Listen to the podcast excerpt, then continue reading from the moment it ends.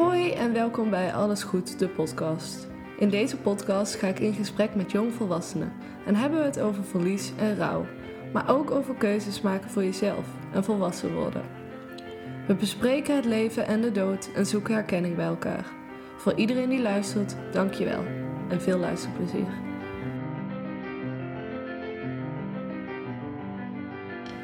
Ja, we, ik heb steeds elke aflevering begonnen met hoe we elkaar kennen.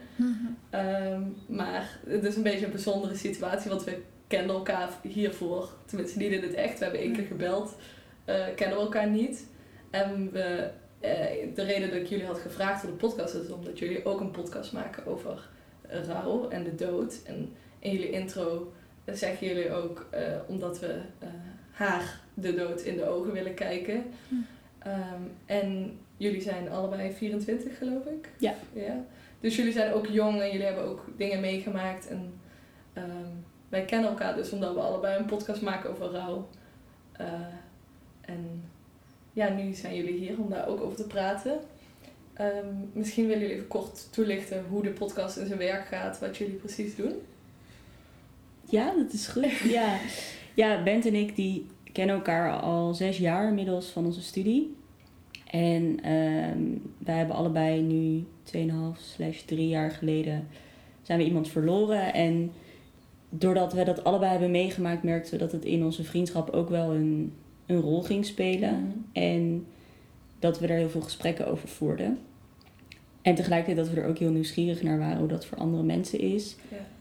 En wat we in de podcast proberen te doen is met ja, eigenlijk zoveel mogelijk mensen erover te praten. En dat kan zijn met iemand die ook een verlieservaring heeft, maar ook ja, experts, om het maar zo te noemen. Mhm. Dus schrijvers of eh, filosofen, artsen, dominee. Ja. Gewoon heel veel, ja, heel, Ja. heel veel verschillende kijken proberen we erop te verzamelen. Om, ja, omdat we nieuwsgierig zijn eigenlijk vooral.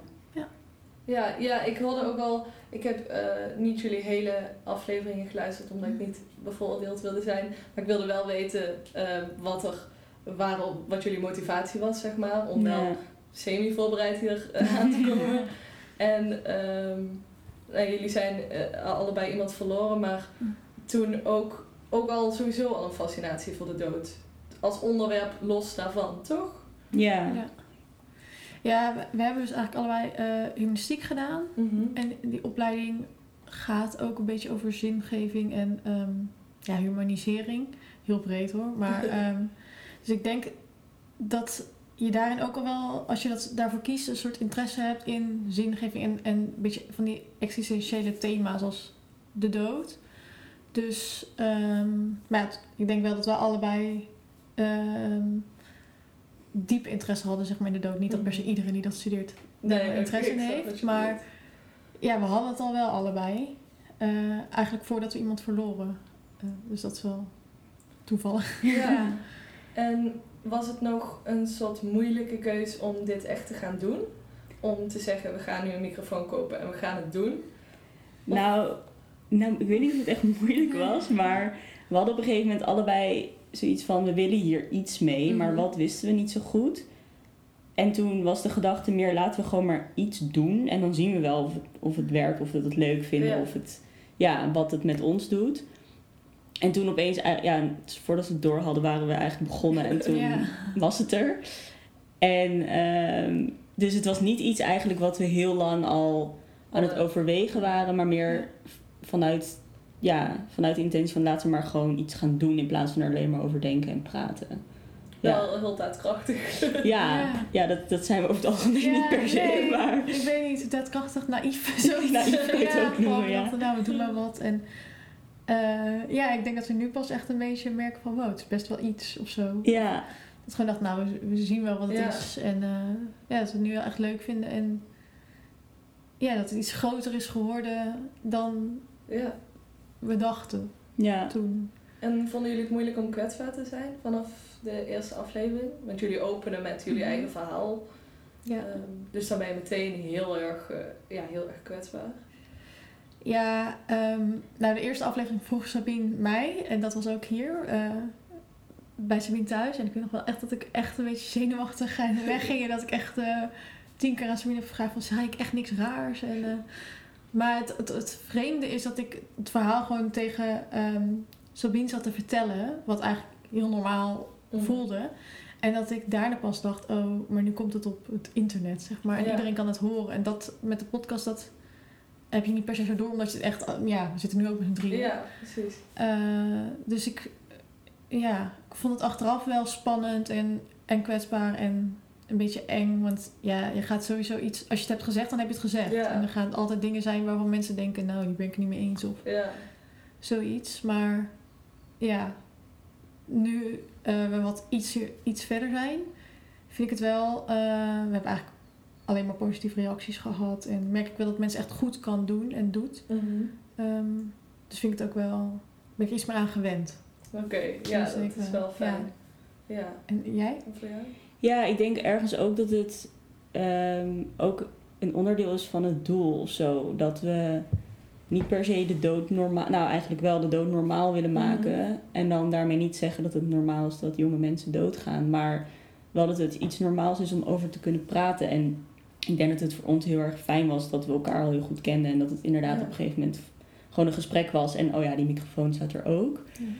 Maar inderdaad, ik herken wel wat Bente zegt. Dat het achteraf dat je denkt, oh god, Ja. nu luisteren heel veel mensen dit. en nu? Maar daar, ja, dat is ergens ook wat we willen of Ja. zo. Ja, ja, Dus- ja, je weet in principe de, de, het rationele idee is dat mensen het gaan Mhm. luisteren. Maar ja, Ja. het kan nog heel eh, eng voelen. Hm. Eh, maar ja, ik eh, vond het in ieder geval heel leuk om jullie podcast te luisteren en te zien dat er iets is. En ehm, ik heb ook heel veel van mensen die ik dan ken, die ook iemand zijn verloren, gehoord dat ze op zoek waren naar iets van Hm. iets over rouw, eh, zeker in een podcastvorm, is zo prettig. Omdat je gewoon, je kan fietsen en je kan even daarnaar luisteren. Het kan tussen neus en lippen door, maar het kan ook heel geconcentreerd.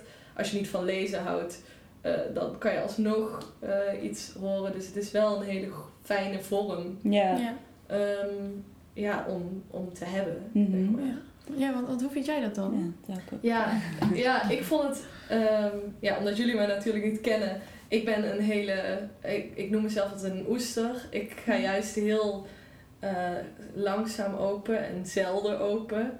Eh, dus het was een hele uitdaging om die podcast te gaan maken. Ehm, maar eh, ik vond het zelf een goed idee voor mezelf, omdat ik dan gewoon leer om kwetsbaar te zijn en open te zijn. En dat je ook iets waardevols eruit kan halen. Eh, want ik heb soms de neiging om van tevoren al te gaan in te vullen dat dat het niet gaat lukken of dat, dat het me niks gaat opleveren. Dus in die zin ben ik niet teleurgesteld, want tot nu toe, alles wat ik heb opgenomen was heel prettig. En voelde ik mij, mezelf ook gehoord, maar had ik ook het idee dat de gesprekspartner zich goed voelde in het gesprek. Dus tot nu toe eh, ja, is, het- gaat het goed het opnemen. Maar ja, het is een van de engste dingen die ik ooit heb gedaan. Mm. Ehm, ja, en de- ik weet niet hoe dat bij jullie zit, maar ik ben dus niet een type die eh, een ruimte binnenkomt en meteen over een gevoel kan praten, zeg maar. Nee. Eh, dat, dat is gewoon iets waar ik altijd mee struggle. Ook voor het overlijden überhaupt daarover hebben. Ehm, dus ja, zijn jullie heel sowieso open van jezelf? Was dit piece of cake? Of, Nou, ik denk dat het voor mij inderdaad alleen die eerste twee afleveringen voelde heel open, omdat het Mhm. over ons ging. ja. En de andere afleveringen zijn we in gesprek met andere mensen en proberen we ook wel hun verhaal centraal te stellen. Dus daardoor voelt dat minder open. Maar aan de andere kant, we stellen wel de vragen die uit Ja. ons komen. Dus misschien is dat ook wel al heel open. Ja. Dat weet ik niet zo goed. Ehm, En in eh privé situaties, bijvoorbeeld met ehm, nieuwe mensen of überhaupt oude vriendschappen, kan het ook wel, eh, ja, dat je denkt van, ga ik hier nou wel of niet iets over zeggen? Hoe hebben jullie dat ervaren? Over eh, het overlijden? zeg ja, dat je zeg maar, er gebeurt zoiets en dan, tenminste dat Mm. voelde ik heel erg dat ik een soort van nieuwe, eh, ja, een nieuwe weg moest vinden in contact hebben met Mhm. mensen. Als ik het, ja, het is een beetje moeilijk te, de vinger op te leggen wat het nou precies is, maar ehm, ja, dat je ook gewoon bang bent dat andere mensen je anders behandelen. Of dat je gewoon bang bent voor bepaalde reacties. Of dat mensen het aanhalen en daar heb je geen zin in. Ehm, of ze begrijpen je niet. Ik weet niet, dat soort dingen. Ja. Ehm, ja, ik denk dat ik...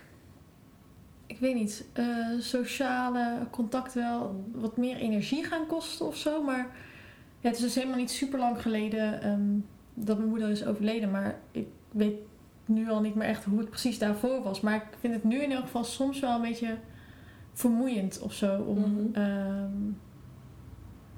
terwijl ik het idee heb dat het me eerder makkelijker afging om Ja. gewoon te kletsen en gewoon mee te doen. En eh, misschien ook wel opener te zijn.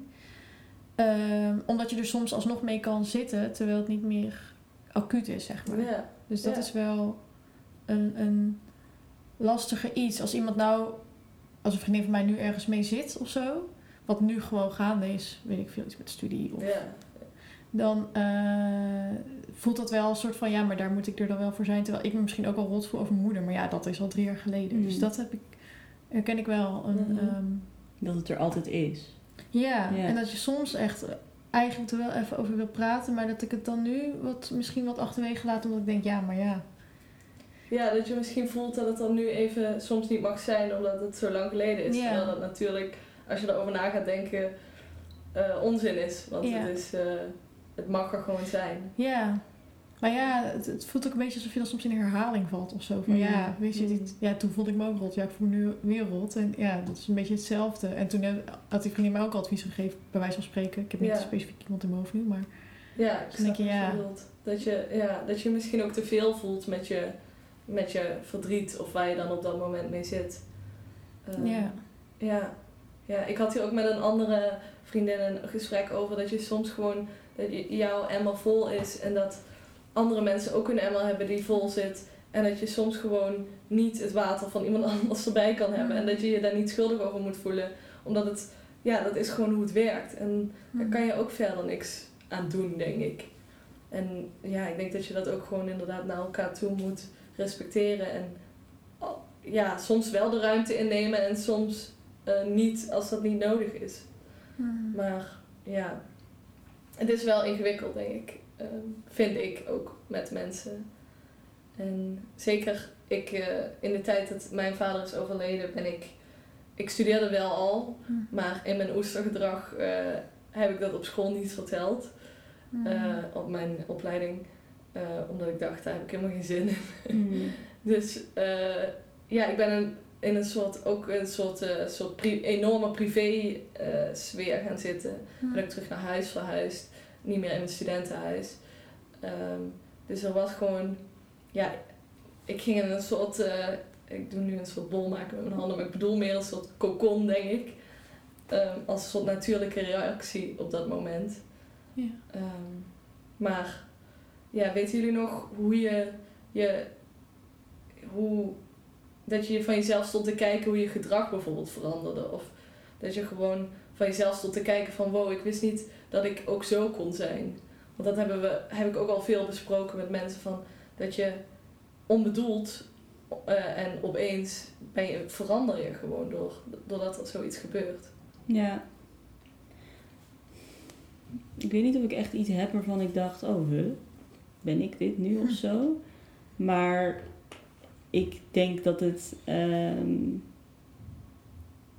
wat je net zei over dat je gewoon, er is gewoon iets in jou voor altijd anders. Mhm. Dat dat besef een soort van heel langzaam aan het doordringen is op dat moment. En dat je het inderdaad in contact met andere mensen soms extra kan voelen als het als ze doen alsof jij nog de oude bent. Snap je wat ik bedoel Ja, dan? ja, Dat het, dat, ja, dat het voor sommige mensen, of althans voor je omgeving, is het nu een gegeven. Maar is het niet iets wat de hele tijd, zeg maar, on top of their mind is. ja, Maar voor jou is het, of voor mij, is het dat wel. ja. En ik denk dat daarin, ehm, ja, daarin contact voor mij in elk geval anders kan voelen. Maar ik weet niet of dat voor de ander dan ook zo is. Omdat die Mhm. misschien nog denkt dat ik ben zoals ik daarvoor was. ja. Ja, ik weet niet.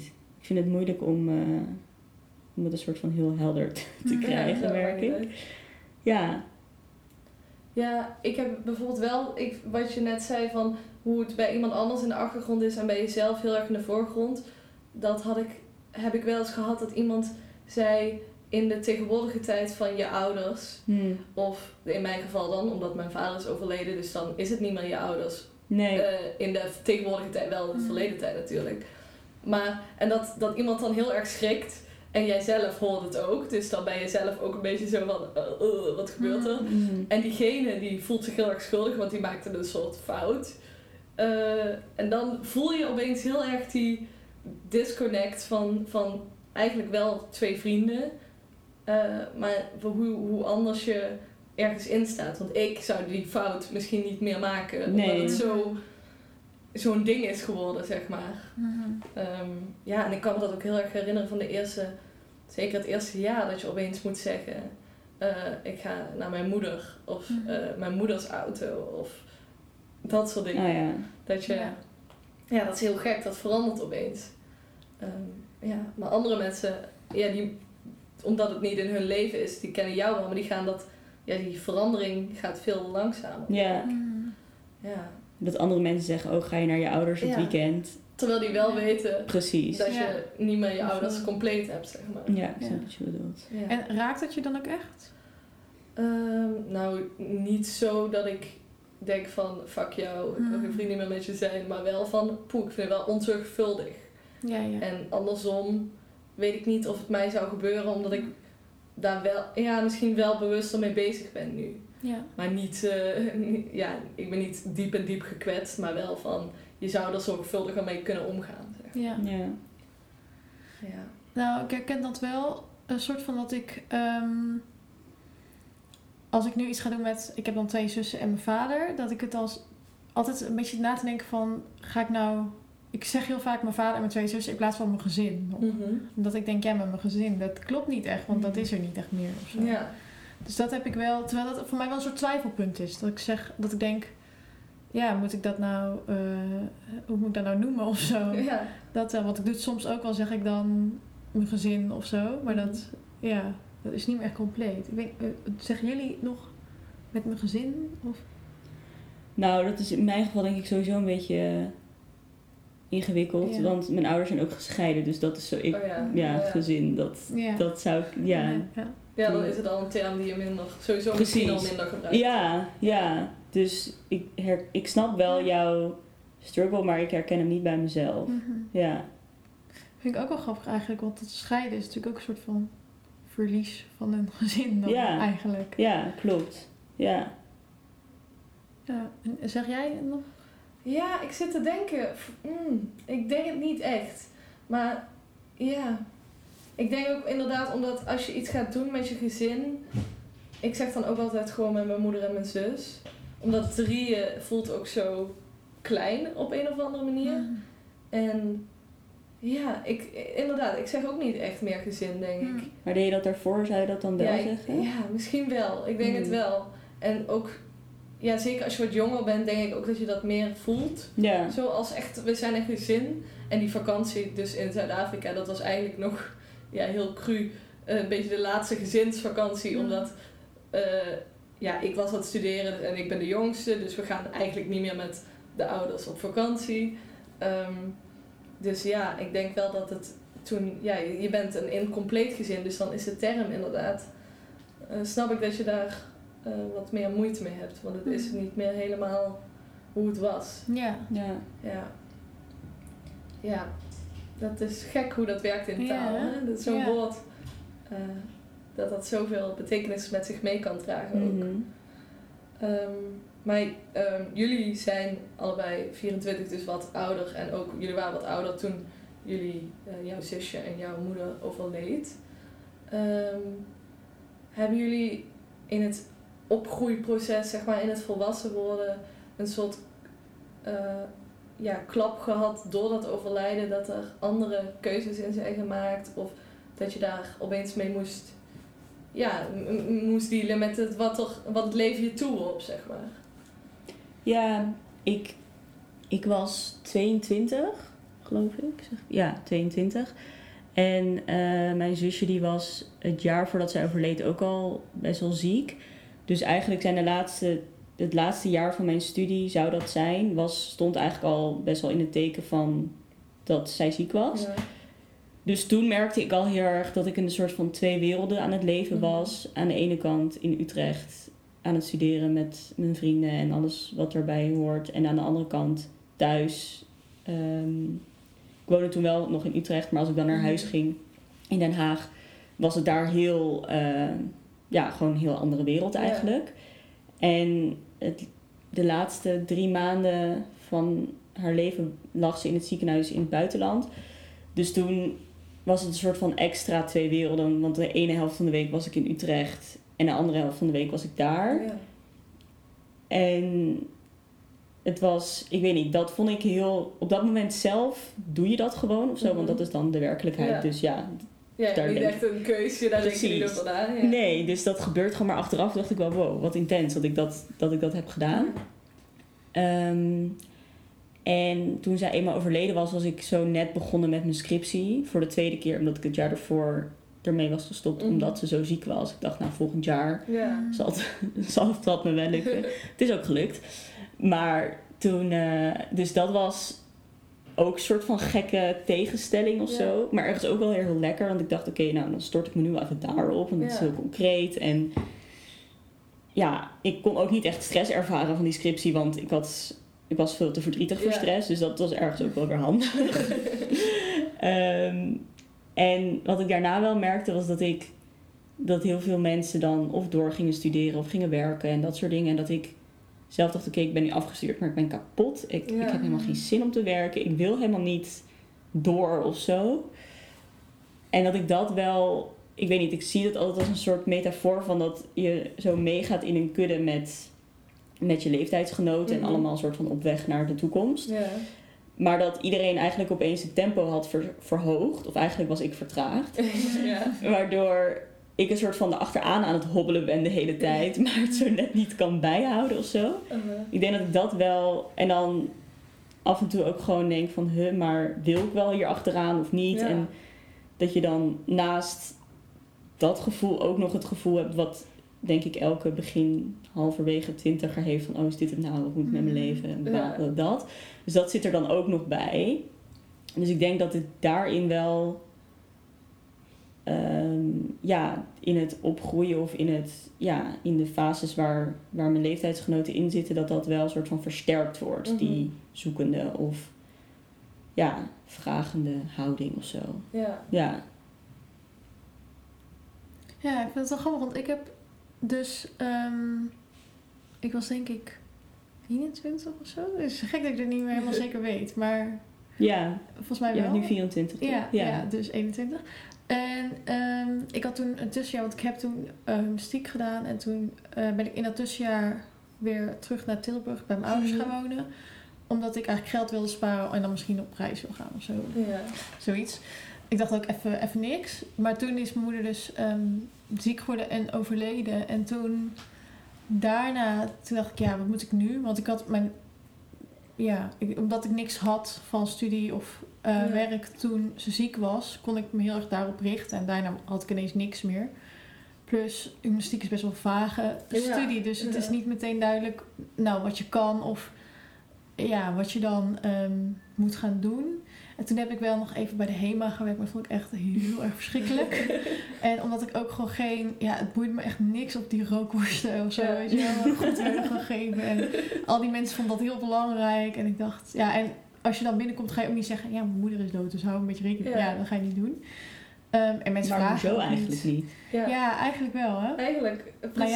Nou ja, ja, ik ik, ja, je hoort het jezelf waarschijnlijk zeggen en dan denk je, ja, hmm, het zou, in principe Ja. zou het kunnen. Want het is zo'n normaal iets, normaal en abnormaal, maar Mhm. ook wel, iedereen weet Het zou wel, goed zijn. ja. Ja, maar toch, ik weet niet. Dat, het- er wordt sowieso nooit gevraagd van, hé, hey, leven jou eigenlijk nog? Nee, dat niet. Nee. Het kwam wel eens ter sprake, maar dan meer met jongere mensen wel hoor. Dat merkte ik wel, want die oudere mensen sowieso niet echt. Maar in het weekend werkten dan ook jongere mensen Mhm. daar. En die, eh, ja, heb ik het wel eens tegen gezegd of zo. Maar meer omdat het bij mij snel een bruggetje was van, oh, waar woon je dan? En toen woonde ik nog alleen met mijn vader in dat huis. Dus dan zei ik dat er vaak wel Ja. bij, omdat het anders een beetje raar was dat ik alleen of zo. Mhm. nog daar woonde. Maar ik heb toen daarna wel gekozen voor eh, eh, nog een studie. Maar meer uit het gevoel dat ik dacht, ja, ik moet iets of zo hebben. Ja. En, en wat ik wel erg heb met dat opgroeien is dat ik... ehm, ik voel me eigenlijk nog best wel klein of zo. Of dat ik wel wat... Ik voel me soms wel een beetje onveilig. Dat ik Mhm. denk, oh ja, maar ik moet wel zorgen dat ik straks geld krijg en dat ik een beetje kan leven. En, want ik heb niks meer om echt op... Ja, ik heb mijn vader natuurlijk wel, maar... ja. eh, ik mis wel een beetje die zorgeloosheid of zo die ik vroeger had. Ik heb echt nooit bij muziek nagedacht, nou, wat ga ik hier nou mee doen? Ik dacht, nou, ik vind het leuk, prima. Nou ja, ik heb daarna filosofie gekozen, dus ook niet per se. maar toch, heb ik, nu heb ik wel een beetje die, ja, die druk of zo van, Mhm. ja. En dat vind ik grappig dat jij had gezegd van, ja, ik had juist geen... Eigenlijk een beetje hetzelfde gevoel, maar ik kies, heb daardoor toen een beetje gekozen voor studie. Ik dacht, dan heb ik iets, zeg maar. Eh, terwijl ik ook dat gevoel had van, en nu dan? Hmm. Wat moet ik dan doen? En eh, ik weet ook nog niet zo goed hoe ik mee kan met Mhm. de rest. Want het lijkt ook alsof het bij de rest heel makkelijk gaat. En dat je dan zelf een beetje... ja. Wat Ja. als je in gesprek bent met de rest ook wel weer meevalt. Ja, als dat je zeker. Ja. geval naar je vriendengroep gaat kijken, dan valt het allemaal eh, wel mee hoe ver eh, tussen aanhalingstekens iedereen is. Ja. Maar ik herken dat wel, dat hele... Ik, ik kreeg er persoonlijk een heel eh, gehaast gevoel van. Dat ik Mhm. dacht, ik moet nu afstuderen, ik moet nu eh, een, eh, verhuizen, ik moet nu kinderen krijgen, ik moet nu... Ik had heel erg het gevoel van, oh mijn god, het leven is te kort, ik, het moet nu gebeuren, want anders dat. En het wordt wel steeds minder, dus ik ben wel wat meer gekalmeerd weer.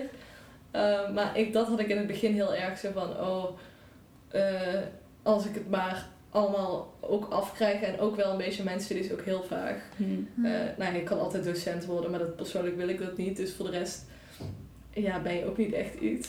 Ehm, dus ja, ik heb ook wel een beetje van wat ga ik hierna dan doen. En ehm, ja, vooral dat gehaast had ik het dus in het begin heel erg. ehm, Maar was je dan bang dat jouw leven ook zo kort zou zijn? Of moet ik dat niet zo zien? Eh, Nee, me- ik denk meer. eh, mijn ouders waren relatief oud toen ze mij kregen. Mijn moeder was net 40.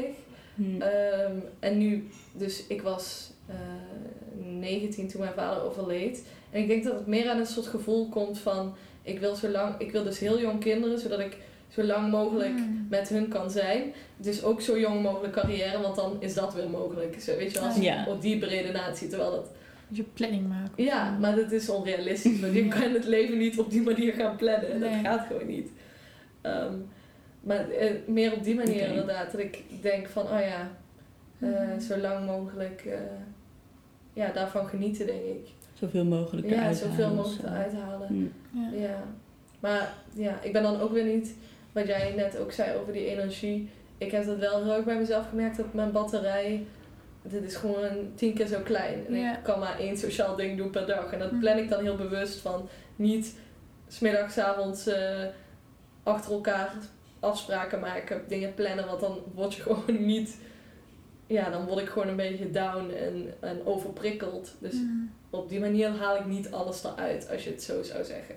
Ja, of dus wel. Of dus wel dat ik mezelf niet overprikkel, maar ja. Ja. Ja. Ja, inderdaad. Maar ja, ik werd er dus gehaast van. Maar Ja. die kudde herken ik me ook wel in. En dat heb ik ook wel ook vaker gehoord van mensen die inderdaad... Jij staat stil en iedereen de wereld om je heen blijft bewegen. Ja. Ja. En ik denk dat dat in onze leeftijd ook gewoon heel erg... Omdat er zoveel groepsverbanden zijn. Vriendengroepen, studie... eh, vaak nu ook nog in dat je in een studentenhuis woont. Je ziet heel erg wat je groepen om je heen aan het doen zijn. Ja. Ik Ja. denk dat het ook heel erg, dat je daar al heel erg door hebt wat de rest aan het doen is. Ja. Ja. Maar ja, ik heb wel ehm, vrijgenomen tijdens mijn studie om, eh, ja, ehm, in principe gewoon, het was niet per se nodig, want ik ben een vrij makkelijke leerling, dus qua concentratie of zo had ik het wel gered, Mhm. maar ik had er ook gewoon geen zin meer in. Nee. Dus toen heb ik ook inderdaad een half jaar vrijgenomen en toen ben ik achter mijn vriend aan naar Canada gegaan. Hm. En dat was de beste keuze die ik had kunnen maken, want daar kwam ik heel happy uit terug. eh, Ja. Omdat het gewoon even totaal, ja, eh, even uit je thuissituatie is, zeg maar. Want thuis is het toch soms heel zwaar. En daar was het gewoon luchtig en, eh, ja, alleen maar met jezelf, zeg maar. Ja. Ja, Echt even een andere wereld eigenlijk. ja, Mhm. ja. dus dat was wel een goede om te doen. Maar grappig eigenlijk. Want het is dan toevallig denk ik dat je met je vriend mee kon. Ja, ik had, had eigenlijk hadden we gepland, had ik ook een uitwisseling gepland, in principe. Maar dat had ik, toen mijn vader overleed, had ik dat moeten indienen. Dus dat heb ik, ja. sorry. Ehm, dus ik heb dat niet gedaan uiteindelijk. En mijn exchange ingediend. eh, vanwege het overlijden. En toen ging, had mijn vriend dat wel gedaan. En die ging toen naar Canada. En toen had ik zoiets van, ja, ik kan wel hier thuis gaan zitten. Maar eh, dan ben ik vier maanden depri. Omdat hij er, omdat en mijn vader is dood en mijn vriend zit in Canada. Dus toen, ik moest wel nog één tentamen inhalen. Dus ik moest ongeveer anderhalve maand wachten tot ik erachteraan kon. Twee maanden. Ehm, en toen ben ik voor twee maanden daarheen gegaan. En toen heb ik wel daar gereisd. Ik heb niet twee maanden op zijn lip gezeten. Maar Ja. eh, de basis was wel bij hem in zijn Ja, eh studentenhuis. ja. Dus dat was wel echt heel fijn. Ja. Ja. Ik vind het best een goed idee eigenlijk dat je dan, als je zoiets meemaakt, even, even helemaal weggaat. Dat is best wel lekker. Ja, het Nog was steeds. echt... maar- ik raad het iedereen aan. Ja. Nee, het was echt heel erg lekker, omdat het ook gewoon... Ik was daarvoor ehm, met mijn... Omdat wij natuurlijk, dat was op vakantie gebeurd. Dus wij hadden... Tenminste, ik had een beetje wel reisangst op een gegeven moment. Dat ik dacht van, oh... Ik weet niet of ik nooit, ooit nog in een vliegtuig stap. Een beetje dat. En mijn vader is jarig in mei. En mijn ouders waren allebei eh steward en stewardess. Mm. Dus eh, ja, het vliegen dat zit er heel erg in. Ehm, en zijn lievelingsstad was New York. Dus toen zijn we op zijn verjaardag naar New York gevlogen. Ja. En toen was dat zo fijn, maar ook wel heel zwaar. Omdat we met z'n drieën op zijn verjaardag daar waren. Door zijn lievelingsstad, naar zijn Mm. lievelings eh, en zo. Waren we dat, ja. Dus dan... Dat is ook... Dat was gelukkig... Was daardoor wel de angst weg. Mm. Maar... eh, dat was niet relaxed, zeg maar. Nee. Ehm, dus ik ben Heel beladen of niet? Heel beladen Ja. wel, ja. ja. Ehm, en ook omdat wij gewoon met z'n drieën een week de rest van de familie skipten, zeg maar, tijdens zijn verjaardag. Ook gewoon om dat even met z'n drieën te gaan, Ja. eh, te gaan doen. Dus ja, ik was daarna wel met Canada wel blij dat dat heel relaxed was. Want dat was, ja, New York was niet relaxed, zeg maar. Ja. Ja. Dus ja, het was een hele, een hele goede om die reis Ja. te maken. En ja, ik had het dus al even over mijn vriend, maar iemand woont, jij woont samen Ja. met je vriend, ja, Ja. want we zijn in jouw huis hier. Ja. Ehm, nou, wat, vond je dat moeilijk om in je relatie dat ook een soort plek te geven? Mm, De rouw en het verdriet, zeg maar. ja. Ehm, nou, ik heb al wel eh, best wel lang een relatie eigenlijk. Klinkt heel heftig als ik dat zo zeg, maar Ehm, ja, het is wel zo. Dus eh, Teun, mijn vriend, die, ehm, die kende mijn moeder ook wel goed. Dus die heeft het ook wel meegekregen, zeg maar. En ook wel lang. Dus die, dat was wel, vond ik heel fijn dat, dat hij eh, haar ook heeft gekend. En Ja. mee kan praten over die dingen of hoe dat toen ging. Dus als ik nou terugdenk aan een herinnering, ja, echt van vroeger weet hij niet, maar over hoe ze doodging en dat soort Ja. dingen, dat weet hij allemaal wel. Dus dat, dat scheelt denk ik wel heel veel. Het lijkt me heel anders als je bijvoorbeeld, als ik nu iemand zou ontmoeten die het allemaal niet weet. Ja. Hoewel, dan kan je het wel allemaal lekker herhalen. Maar Ja. ja, Ja. dus dat, dat eh, bood wel steun. Ehm, hoewel ik natuurlijk wel veel verdrietiger was en ben dan hij. Want hij, Ja. ja. En waarschijnlijk ook een jongen. Dus vaak is dat toch die verwer... Ja, de, even om te generaliseren. Mhm. Ja, dat gaat toch vaak anders eh, Ja. in de... Ja, hoe, hoe het verwerkt wordt, zeg maar. Ja. En inderdaad, het is niet zijn moeder inderdaad, zijn Nee. schoonmoeder. Dus daar zit toch nog een soort tussenlaagje Ja, eh, tussen. vaak. ja. Ja. Maar kan hij dan juist door dat tussenlaagje er ook juist voor jou zijn? Dat het, omdat het niet zijn Mhm. moeder was, Ja. heeft hij het niet zo zwaar als jij. Ja. Dus kan hij jou misschien juist daardoor goed troosten. ja, precies. Want het is niet dat hij nu, als ik nu verdrietig ben, dat hij mee gaat huilen. Want hij heeft dat verdriet niet. Mhm. Dus daardoor kan hij er wel voor me zijn op dat moment. Dus dat, eh, dat is wel fijn. Ja, en dan Ja. is er altijd ruimte voor jou om eh, dat verdriet te laten zien en dat dat gewoon een plek heeft. Ehm, nou, ik neem die ruimte gewoon in, denk Ja, ik. Of- ja, tenminste. Dus is die. Ja, hoewel ik ook niet, ehm, denk ik, heel veel, denk ik hoor. Maar als ik verdrietig ben, dan is niet per se. Ik, dat, ja, ik deel dat wel mee, maar het is niet dat ik dan. Ik vind eigenlijk ben ik iemand die liever alleen. Dat Mhm. klinkt een beetje verdrietig, maar ik vind het gewoon fijn om met muziek een beetje weg te kwijnen. En ik wil dan niet per se meteen, Ja. als ik echt verdrietig ben, erover gaan praten met Mhm. hem. Of eh, dat hij me dan troostte. Ehm, dus ik weet niet hoeveel hij er echt van meekrijgt, Mhm. zeg maar. Of hoeveel ik hem daarvan vraag. Eh hoewel ik het wel, als ik bijvoorbeeld niet verdrietig ben, er wel vaak over heb. Oké. En dat vindt hij prima. Dus dat is ook wel een manier van fijn. troosten, denk Ja. ik. Maar dan... Ja, ja, dat denk ik wel. Ik denk Ja. wel dat dat er onderdeel van is. Ja. Want natuurlijk is rouw niet alleen dat kwartiertje misschien dat je in je bed ligt te huilen en dan opstaat en doorgaat met je dag en hij ziet dat niet. Ja, Maar dit is ook inderdaad het erover hebben en Ja. het aanhalen en dat het gewoon een plek heeft in je gezin ja, met hem. ja, Want dat is eigenlijk ook een, een soort mini-gezin. ja. Ja, Heel heftig, maar ja, het is wel, ja. En zeker als je samen woont, dan is het. Ja, dan is ja. het opeens een huishouden. Ja, precies. Ja, ja. En ehm, hoe, hoe doe jij dat met, met eh, mensen die je tegenkomt? eh, ofwel een nieuwe partner, ofwel een relatie, eh, ofwel een nieuwe vriendschap dat je dat moet vertellen? Hmm, Dat jij zoiets met je meedraagt? ja. Nou, ik merk wel dat het een ding is, maar vooral in mijn hoofd. Mhm. Dus het is niet zoiets waar ik me voor schaam. Mhm. Helemaal niet. Maar ik ben wel heel erg bewust van wat het met iemand anders kan doen als ik dat vertel. Dus als ik nieuwe mensen ontmoet en die vragen, soort van niets vermoedend, oh, en heb jij broers of zussen of zo. Ja. Op een of andere manier stellen heel veel mensen die vragen Ja, mij. want ouders hebben, eh, zeg maar, inderdaad, dat is wel, sorry dat ik je onderbreek, Nee, maar inderdaad, niet. broers en zussen vraag je zoveel sneller dan heb je ouders. Want- Precies. Ja, Ja. Ja, dus, en, dus dat vind ik altijd wel zo'n ding. En dat vind ik het zelf niet eens erg om te vertellen, maar meer dat ik dan denk, ja, god, dan, moet die, dan zadel ik iemand anders op met dat hij daarop moet gaan reageren. Ja. Dat vooral, dat ik, ik weet niet, want het, is, het lijkt mij dus ook best wel moeilijk om een, een vriend of vriendin van iemand te zijn die aan het rouwen is. ja. Want ja. ja, het is gewoon, het is gewoon ingewikkeld. En ehm, ja, het, het, ik ben me in elk geval heel erg bewust van dat ik dan iemand soort van in de positie plaats dat hij soort van goed moet gaan reageren. Ja. ja. En dus ik zeg, maar ik kan niet zeggen ik heb één zuspunt. Want die heb ik nog wel, zeg maar, Ja. die leeft nog. En ik zeg wel, ik kan, ja, dat, ik- Ja, dat, zou heel makkelijk ja, zijn om, ja. als ik dat wel zou doen, maar dat vind ik gewoon Dan doe je misschien je zusje tekort. Ja, en ik, ik, dat is gewoon niet waar. niet. Nee. Ja, nee, Precies. snap ik ik. ben aan het Ja. liegen. Ja. Ja. Heb je dat wel eens gedaan? Nee, nee. Had ik- niet gezegd van, ik heb twee zussen. punt. Ja, als verder dan, het ligt er een beetje aan in de situatie.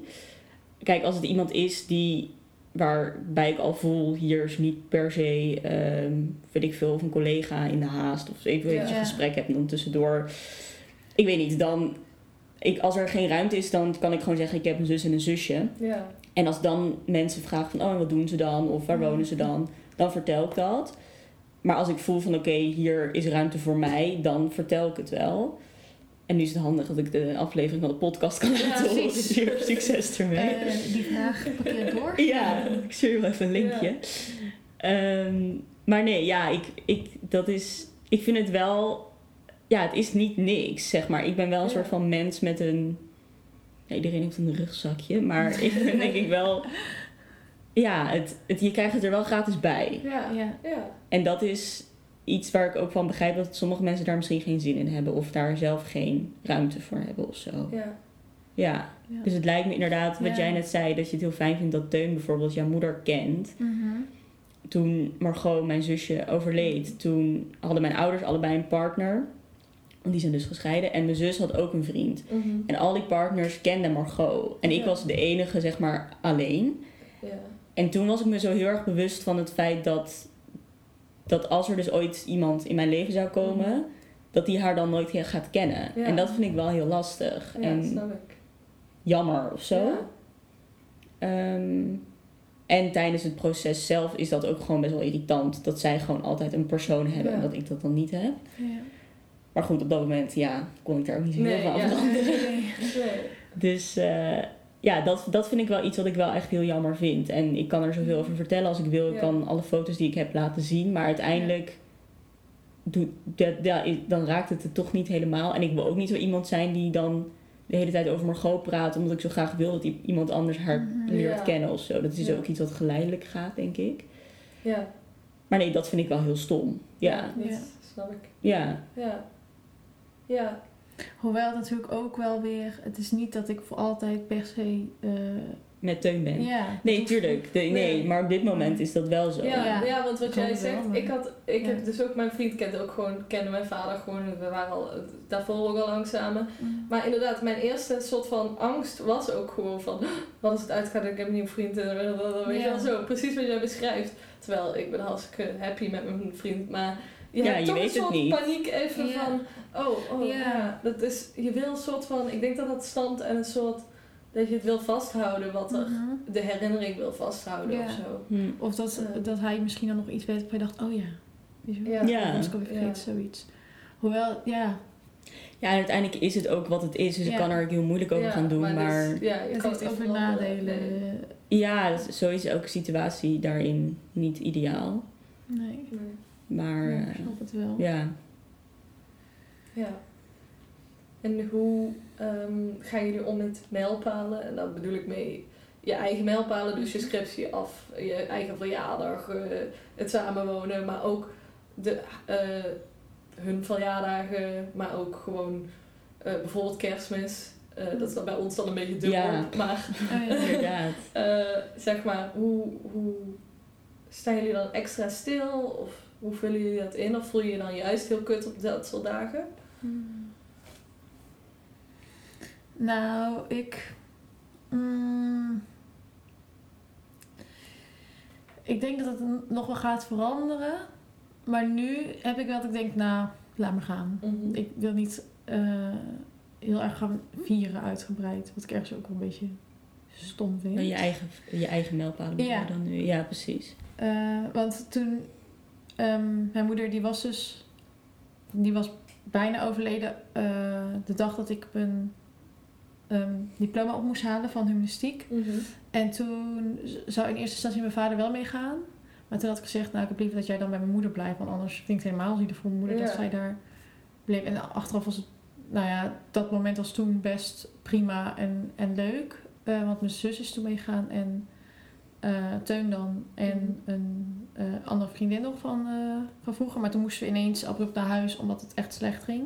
Dus dat was ineens een hele rare wending. Maar daardoor soms... Toen dacht ik, ja, vind ik echt helemaal niet erg als zij niet bij kunnen zijn. Mhm. Ehm, en, maar dat komt ook wel een beetje een klein groepje. Dus ik vond die diploma-uitreiking heel leuk. Eh, maar dat ik achteraf wel denk, oh, ik vind het vooral wel jammer dat, ehm, dat ze niet weten wat ik natuurlijk, zeker middelbare school of zo, daar komen ouders nog wel eens, maar de Ja. universiteit niet. Nee, dus dat is ja, dan zien ze Ja. gewoon echt niet meer hoe dat is. En ik heb nou mijn master filosofie dan, maar ehm daar zit ook niet echt een diploma-uitreiking bij. Dus ik Mhm. heb zoiets van, nou, laat dat dan maar. Dan, dan, dat is weer zo'n dingetje die ik dan alleen heb gehaald en dat is prima. Ja. Dus ik denk dat ik... En met verjaardagen vier ik eigenlijk ook al heel lang niet of zo. Of Mhm. dan doe ik iets kleins met Teun. Het, ja, het is nog niet... Misschien dat het nog wel gaat veranderen. Maar dat ik het juist denk... Want eigenlijk... Als ik erover nadenk, denk ik... Nee, ik moet juist nog meer vieren. Want hè, pluk leef, bla bla. Mhm. Maar dat doe ik eigenlijk niet echt. Dus ja. En Maar- jij? deed je dat ervoor wel? Ja, Ehm. precies. Doe je dat vanuit een soort moeilijkheid of meer? Omdat het gewoon... Mm, nou, misschien... Dat denk ik nu. Dat het daarvoor wel meer voor mij werd geregeld. Zeg maar dat mijn moeder al sowieso kwam. Oh, zo. zo. Weet je wel? Ja. Ik, ik heb nooit echt bewust... Maar ik heb ook niet heel vaak echt verjaardagsfeesten gegeven en zo. Dus het Dus- is sowieso niet helemaal in jouw aard om het Nee. uitgebreid te vieren. Maar misschien Nee. zit er nu wel een soort... Onbewuste laag over ja, dat Ja. er wel iets overheen zit. Zeker omdat je nu ook zegt, misschien komt het wel nog. Ja. Dan denk ik ook, oh ja, er zit toch een soort Mhm. wil om het wel te ergens Ja. te vieren. Ehm, ja. Ja. Ja, is ook wel. En heb jij dan? Ja, dus met mijn eigen mijlpalen, dat, daar heb ik nooit echt iets mee. Dus Mhm.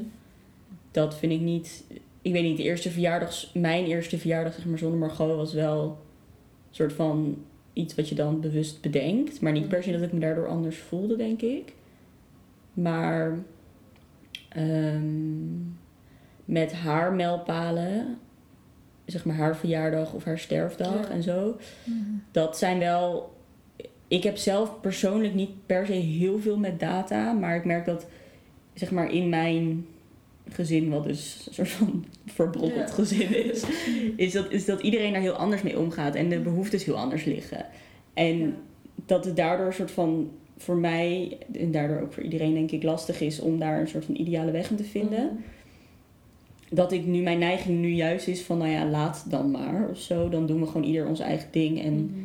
Dan verzin ik op de dag zelf waar ik me goed bij voel. Als dat gewoon een dag is, zoals alle andere dagen, Ja. is dat prima. Maar als ik ehm een hele dag huilend in bed wil liggen, is dat ook prima. Of als ik juist naar buiten wil, weet je dat. Ja. We hebben daar nog niet echt tradities of ja, iets, een, een ritueel voor verzonnen. Terwijl ik wel denk dat dat heel erg zou kunnen helpen. Dus dat het wel ehm, ook verbindend kan zijn voor Ja. nabestaanden, zeg maar. Om daar met elkaar bij stil te staan. Mhm. Mits iedereen Op, op dat level zit. Ook op dezelfde Manier dat wil. Ja, precies. Ja. Want het is niet fijn. ehm, nou ja, wij hadden dat dus tijdens de kerst heel erg. Dat mijn moeder het heel erg. Ja, wat ik ook snap. Hmm. Ja, dan kan je toch je, kan je gevoel niet uitzetten. Zij was heel erg zo van: oh ja, ik ben nu de vrouw van het huis en ik moet nu eh, het regelen. En kerst was ook altijd wel vaak bij ons thuis en nu al helemaal. Ja. Zeg maar met de, eh, mijn moeders zus en mijn vaders twee zussen en dan Mhm. de aanhangen, kinderen, alles. Ehm, terwijl ik juist heel erg zoiets had van... Kunnen we alsjeblieft gewoon kerst vieren?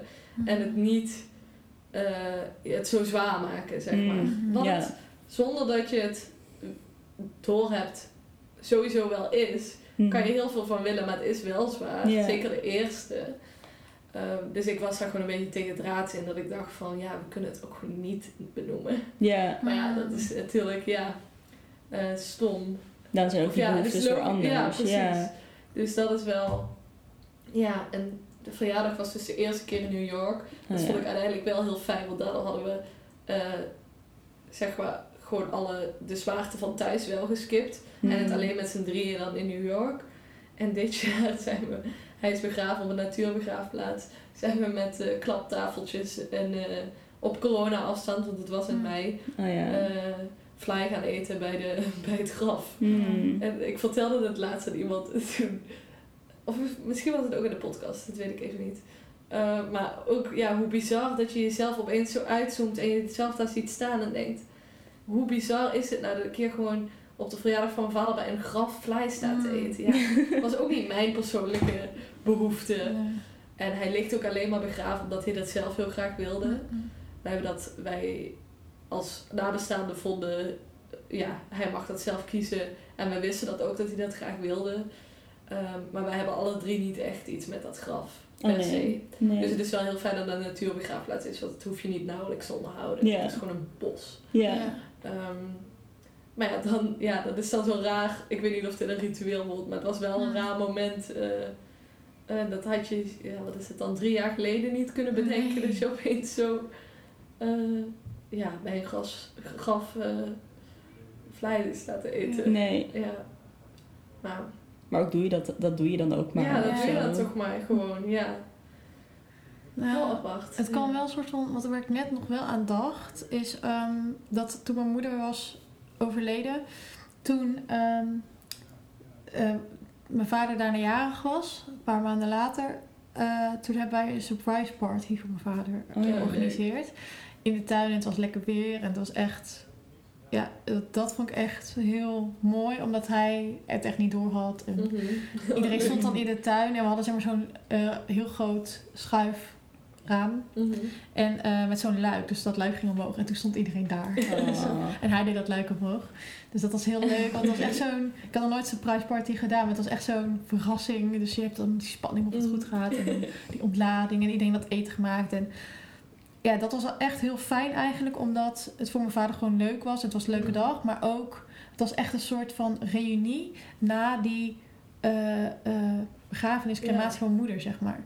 Omdat mensen elkaar daar weer zagen. En Mhm. ook echt vroegen van, oh, gaat het met jou? En denk jij er nog vaak? En het ging heel erg over mijn moeder, maar wel op Ja. een soort feestelijke manier. Oh ja, dat is wel fijn. Ja, dat was echt eigenlijk helemaal top. Want Ja. ja, het is eigenlijk gewoon zo goed Ja. om nog even met die mensen op een andere setting een paar maanden later, weet je wel. En Zeker. eh, ik weet ook dat er twee vriendinnen waren van mijn moeder die er allebei echt wel mee zaten. En die hebben toen nummers uitgewisseld en die zien elkaar nu nog steeds wel eens.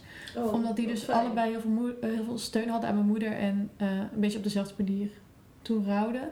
En ehm, ja, die hebben elkaar nu een beetje gevonden. Dus dat vind ik wel heel mooi of zo, dat zulke dingetjes dan Ja. kunnen ontstaan. Dus ja, want eigenlijk, dat is een beetje verdrietig of zo, dat je dan zo'n begrafenis of crematie of zo hebt en dat is het dan. Ja. Terwijl je wilt best nog wel een jaar Ja. daarna of zo met die mensen weer van, goh, hoe gaat het nu? En Ja. denken jullie nog wel eens aan Ja. haar of hem? Eh, ja. Maar dat hoort niet bij hoe wij het hier doen, maar zou ik best mooi Nee, precies. Ja, eigenlijk. de, de katholieke kerk heeft natuurlijk wel een soort eh zes weken dienst, eh Hmm. jaardienst. tenminste, geloof ik. Ja. Eh, dus daar, dat is eigenlijk wat je zegt. Inderdaad, daar wordt het eigenlijk eh nou, dan met een kerkdienst. Maar dan wordt het herdacht. En dat doen we met niet-gelovige mensen. Of Mhm. dan niet-christelijke mensen dus niet. Nee. Nee. Eh, wat eigenlijk wel inderdaad wel jammer is. Maar ik denk ook dat we daarom als maatschappij wel naar verjaardagen of sterftedata grijpen. Ja, Om iets, een soort houvast te geven van hoe ver zijn we en om aan die persoon te denken. en Ja. zo. Ja. Ja, en het is dan juist wel fijn, denk ik, als we dus zo, ja, dit is dan een verjaardag, maar eh, ik denk dat het best wel veel energie kost om als persoon die dicht bij degene die overleden, het is als nabestaande, zeg maar, dat zelf te organiseren. Zo Ja. zoeken. Ehm, dus zo'n surprise party is voor iedereen al iets mee. Ja. Dus het is dan best wel snel gedaan. En als bijvoorbeeld een vaste dag of iets zou zijn. Want ik denk wel, ik zie ons niet zo snel nu op de sterfdag van moeder nog een, met heel veel mensen bij elkaar sprokkelen om daar dan over te gaan praten na Ja, te nee, denken. dat is toch, dat voelt wel Ja. gek. Ja, en Ja. dit idee van dat, die verjaardag was eigenlijk ook helemaal niet met die insteek, maar dat gebeurde Dat- Ja, dat Ja. ja, dan toch. wat wel logisch was. Ja. Ehm, maar ja, het is wel een fijne manier dat je eh, voor mijn vader en ook wel voor ons ehm, het gevoel heb dat hij nog wel echt gesteund wordt door al die mensen. Het is best wel overweldigend. ja. Dus ja, ik vind er wel iets moois in zitten. En hoe zien jullie überhaupt de dood als... eh, nou ja, ik ben dus niet religieus, dus ik heb sowieso... Ja, jullie studeren humanistiek, dus ik ben sowieso geïnteresseerd dan in die, jullie visie. Maar mijn visie is een beetje dat het... eh, ja, dat je lichaam gewoon je lichaam is. Dat is een machine, dat is weg. Dat, ja, daarom zou ik mezelf dus ook altijd laten verbranden. Want ik denk, ja, dat, dan weet je 100% dat het lichaam weg is. Uit de weg, huppakee, heb je niet meer nodig. Een beetje die, Mm. dat idee. En ja, ik denk daarna dat je gewoon een soort energie bent. Ik denk niet dat je echt een ziel bent die als een... Ik zie geen spook voor me. Mhm. Maar wel een soort energie die om je heen kan hangen. Om de mensen eh, die het meest van die persoon hebben gehouden, zeg maar. Of überhaupt een gedachte. Als ik aan iemand denk dat die energie naar me toe komt, is een beetje zo. Ja. Maar ja, dit is altijd super vaag, want het, je weet het niet. Maar Nee, nee, ik weet het ook niet. Maar ik, ik Jammer. eh, ja, jammer. maar ik, ik, wat jij zegt, dat, dat, die voel ik op zich wel in de zin van dat ik wel denk dat je lichaam ehm, ja, een soort van tijdelijk huis is op aarde of zo. ja.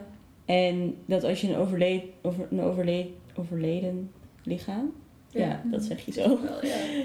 ehm, ziet, dan zie je ook, dit is, Dit is een hoesje. Ja, dit is niet iets wat, ja, er is iets uit. En ik, ja, ik weet niet, ik, ik, ik, weet, ik heb geen soort van dichtgetimmerd idee van, oké, zo Mhm. is het en niet anders. Maar waar ik me het meest in kan vinden, is denk ik wel dat je een soort van ziel overgaat naar een andere frequentie of zo. Mhm. En dat die dan, als die een soort van uitgerust is en op adem is gekomen van het leven hier, ehm, nog wel bij je kan zijn. Mhm. Maar tegelijkertijd is het ook zo, zodra je er woorden aan geeft, is het al, het is gewoon denk ik zoiets soort van bovenmenselijks en bovenaards, Ja. dat, we er, dat we het niet kunnen vatten in Mhm. woorden. Dus dat misschien ergens ook maar niet moeten proberen of Mhm. zo. Maar ja, als het dan moet, dan zou het dan denk ik zo. Dat, ja, dat. eh, dat vind ik het meest aannemelijk of zo. Ja. Maar tegelijkertijd, ja, ik ben nog Ja, nooit je- dood gedaan nee, je gegaan, dus ik weet het niet. niet. Nee. Nee. nee. en ik vind ergens ook dat dat een onderdeel is van verwerking of van, van rouwen of eigenlijk van leven, om het een soort van te verklaren of te Mhm. zoeken, Ja. naar, Te zoeken naar, te zoeken naar antwoorden. En dat dat al zingevend kan zijn. En ook al weet je Mhm. ergens een deel in jou heus wel dat, dat het niet het antwoord per se is. En Ja. het antwoord kan misschien ook wel veranderen tijdens je leven. Ehm, maar ik denk wel dat het, een, ja, dat het troost kan bieden. Of dat het een, een, ja, gewoon een onderdeel is van het leven. Zoeken naar zin Ja. en antwoorden. Ja. Ja. Ja, ik sluit me eigenlijk wel heel erg bij aan. Ehm, ik denk er eigenlijk wel hetzelfde over. Want ik heb ook wel het idee dat er ergens nog een energie is eh, of zo. En inderdaad, als iemand dood ligt, dan denk ik ook, ja, maar dit is niet Dit is, wat het was. Ja. maar er Dat is, iets, die er is persoon iets weg, dus dat ja. is er nog wel, maar dat zit niet meer in. Zo, ja, dat gevoel heb ik wel. Ehm, en dat overschakelen naar een andere frequentie, wat jij zei, dat, ja, zoiets denk ik het ook wel. Omdat ik gewoon wel het lichaam echt zie ja, als ehm, praktische handigheden allemaal Ja. aan elkaar geplakt. En ehm, dat je dat kan besturen met ja, je gedachten. Maar dat vind ik ook een beetje dat machine, zeg Ja. maar, moet altijd worden gemaakt door iets anders. Want anders Ja. komt niet. Ja, dus ik geloof wel dat dat iets, ehm, dat er iets is. Ehm, maar ook dat invullen wat dat dan is. Ik, ik wil dat nooit vast zeggen van nou Nee, sowieso dit. Want ik denk, dat kan je niet weten. En ehm, als je dan toch een waarheid jezelf volhoudt, dan is dat altijd alleen maar door jezelf bedacht. En altijd Ja, ja. om maar niet die angst aan te gaan, denk ik. En ik vind Ja. het wel mooi als je dat wel nog een soort van onder ogen durft te komen. Van, dat je gewoon niet weet wat het precies is. Maar daarom vind ik de natuur ook wel interessant. Want ik denk toch altijd wel van, nou, daar zit een soort van de kern in eh, wat er is. Ja. Wij hebben al die dingen gemaakt als mensen, maar wat er al was, dat, ja. Ja, ik vind het van mezelf wel een soort. Ik, mm, ik vind het een beetje een enge gedachte, wel als er niks is. Nu als levend mens. Dus ik hou me toch wel semi vast aan iets. Want anders vind ik het moeilijk om nu het leven nu betekenis te geven. Ehm, en ik kan me daar zelf ook wel in verliezen. Maar ja, en dan stop je jezelf, want anders ga je helemaal in een soort ehm doen denken. Het heeft geen zin. eh, dat idee. Maar ik heb daar soms wel nog moeite mee dat ik denk van, wat, waar doe je het voor? Eh, ja, omdat die dood zo, die is gewoon onontkoombaar. Ja. En ja, ik kan me soms ook een beetje verliezen in de gedachte van, oh, er gaan ook zoveel mensen dood in mijn omgeving en daar heb ik helemaal geen zin in Ja. om daar allemaal mee te dealen. Ehm, en dan denk ik ook weer van, als het gebeurt, dan gebeurt dat en dan deal je er toch mee, want je hebt geen keus. Ehm, maar ja, het is wel een soort onprettig idee of zo, Mhm. vind ik, dat het, dat het nog gaat komen. Ja. ja, Ja. vind ik ook wel. Maar ik begin het ook wel langzamerhand mooi te kunnen vinden of zo, op de een of andere manier. Langzaam. ja, mijn moeder zegt altijd, ja, dat had ik ook toen ik eh, zo oud was als jij. Ja. Maar dat wordt echt minder als je ouder wordt. Mhm. En daar hou ik me dan maar op van. Ja. ja, dat hoor ik wel van, van meer mensen. Mijn vader ook, die... Want ik ben nou ook al... Ja, mijn studiekoze Ja. heeft er ook mee te maken dat Ja. ik die zin een beetje zoek. Ja. Eh, maar mijn vader zegt ook, ja, dat had ik ook. Maar dat hoort ook wel bij die leeftijd wel. Niet echt een besproken ding is. Nee, en dat Ja. voel je nu niet zo. Dat je Nee. in een leeftijd zit waar Ja. je allemaal vraagtekens Nee, plaatst. ja, Dat is precies. gek als je daarin Ja. zit. Ja. Maar, nee, maar daarom vind ik het ook wel mooi om meer dingen, theorieën te lezen of zo. Want Mhm. ik had ook heel sterk eigenlijk dat ik dacht, ja, waar doen we het? Of heb dat soms nog wel hoor, maar waar doen we het allemaal voor? Want het is allemaal een beetje zinloos. Want Ja. er is geen. Het is echt een antwoord, een vraag waar nooit een antwoord op komt, zeg maar. Mhm. Ehm, maar toch heb je de vraag. Ja. En je kan die niet wegdoen zonder het antwoord, maar je krijgt nooit het antwoord. Dus heel onbevredigend eigenlijk. Hoewel aan de andere kant, ik ook alweer ja, van zo'n filosoof dan, Albert Camus dan, las ehm, dat juist doordat het er niet is, je ook juist heel erg zin ja, kan krijgen Ja. voor het leven. Van ja, je weet niks. Dus je hebt eigenlijk alle kans om te doen wat je zin in hebt. Want er is geen voorbeeldplan. Dus doe het nou maar nu. En eh, een beetje ga eh, de rebel uithangen Mhm. tegen die zinloosheid. Door juist er zelf zin aan te geven, zeg maar. Ja. En die gedachte inspireert me dan ook wel weer. Dat ik denk, oh ja, het is ook wel mooi als je er zo naar kan kijken. Ja. Want je kan dan naar kijken van, nou, het heeft geen zin, dus ik kan beter eh, zelf maar plegen of zo. Ja. Of van, nou, het heeft geen zin, dus ik kan het maar beter zelf gaan maken. Ja. ja, dat is wel een mooie gedachte. Ja, dat, de- ja, dat soort dingen helpen wel, maar... Ja, dus jij zei, zegt al, ik lees veel boeken, want dat had ik ook als vraag van hoe gaan jullie, gaan jullie actief op zoek naar informatie? Lezen jullie veel? Eh, of gaan jullie, eh, ik ga dus naar een rouwgroep voor jongeren. Ehm, en ik ben, heb ook therapie gevolgd, ehm, omdat ik gewoon op slot zat en het niet echt, niet aan het rouwen was. Eh, en dat vond ik gewoon niet een heel goed idee, want ik dacht dan, dat kan niet uitlopen op iets goeds. Dus ja, en boeken heb ik nog niet echt gedurfd op een of andere manier. Ik ben wel iemand die heel erg alles absorbeert.